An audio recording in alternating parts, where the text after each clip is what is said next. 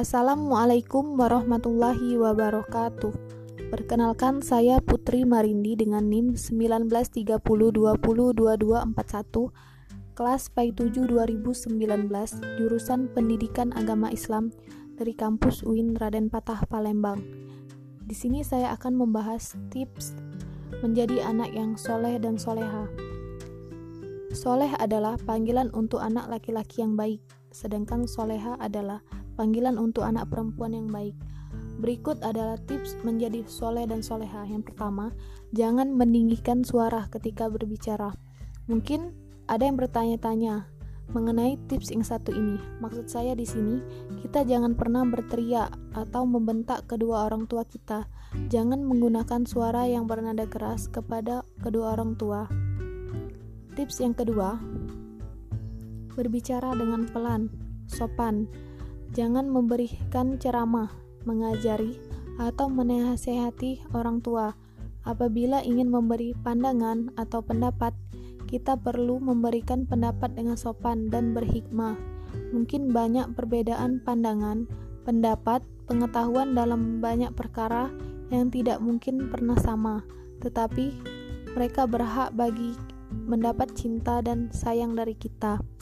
Tips yang ketiga, jangan menyampuk pembicaraan Jangan sekali-kali menyampuk pembicaraan. Ini etika asas yang mesti dipahami secara betul.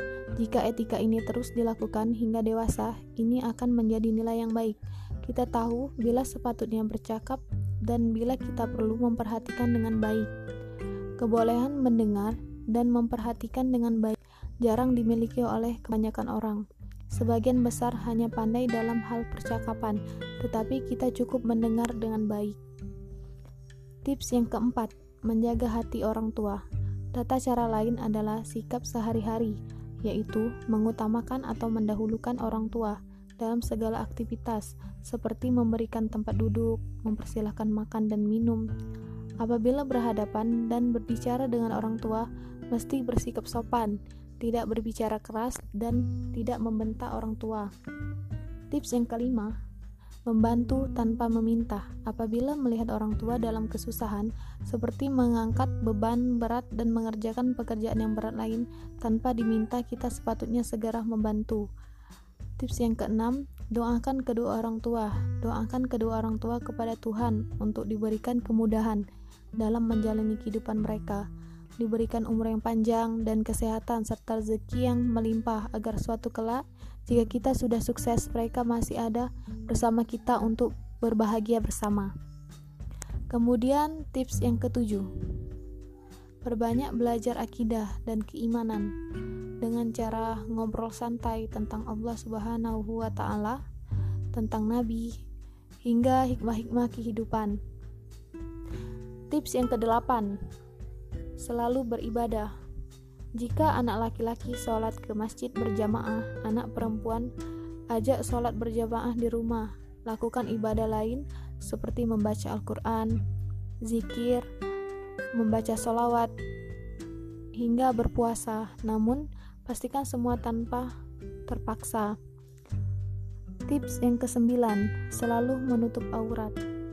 Anak soleh dan soleha selalu taat kepada Allah Subhanahu wa Ta'ala dan selalu taat kepada Rasul dengan cara menaati segala perintahnya dan menjauhi segala larangannya.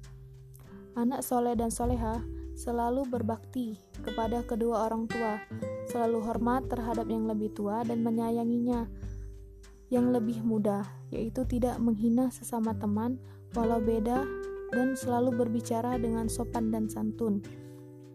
Anak soleh dan soleha selalu bersyukur atas segala kasih sayang yang diberikan orang tua, tidak menggerutu atau menuntut sama dengan orang lain. Anak yang soleh dan soleha selalu saling memaafkan ketika berbuat salah. Pokoknya jangan mengingat kesalahan orang lain, tetapi selalu ingat segala kebaikan.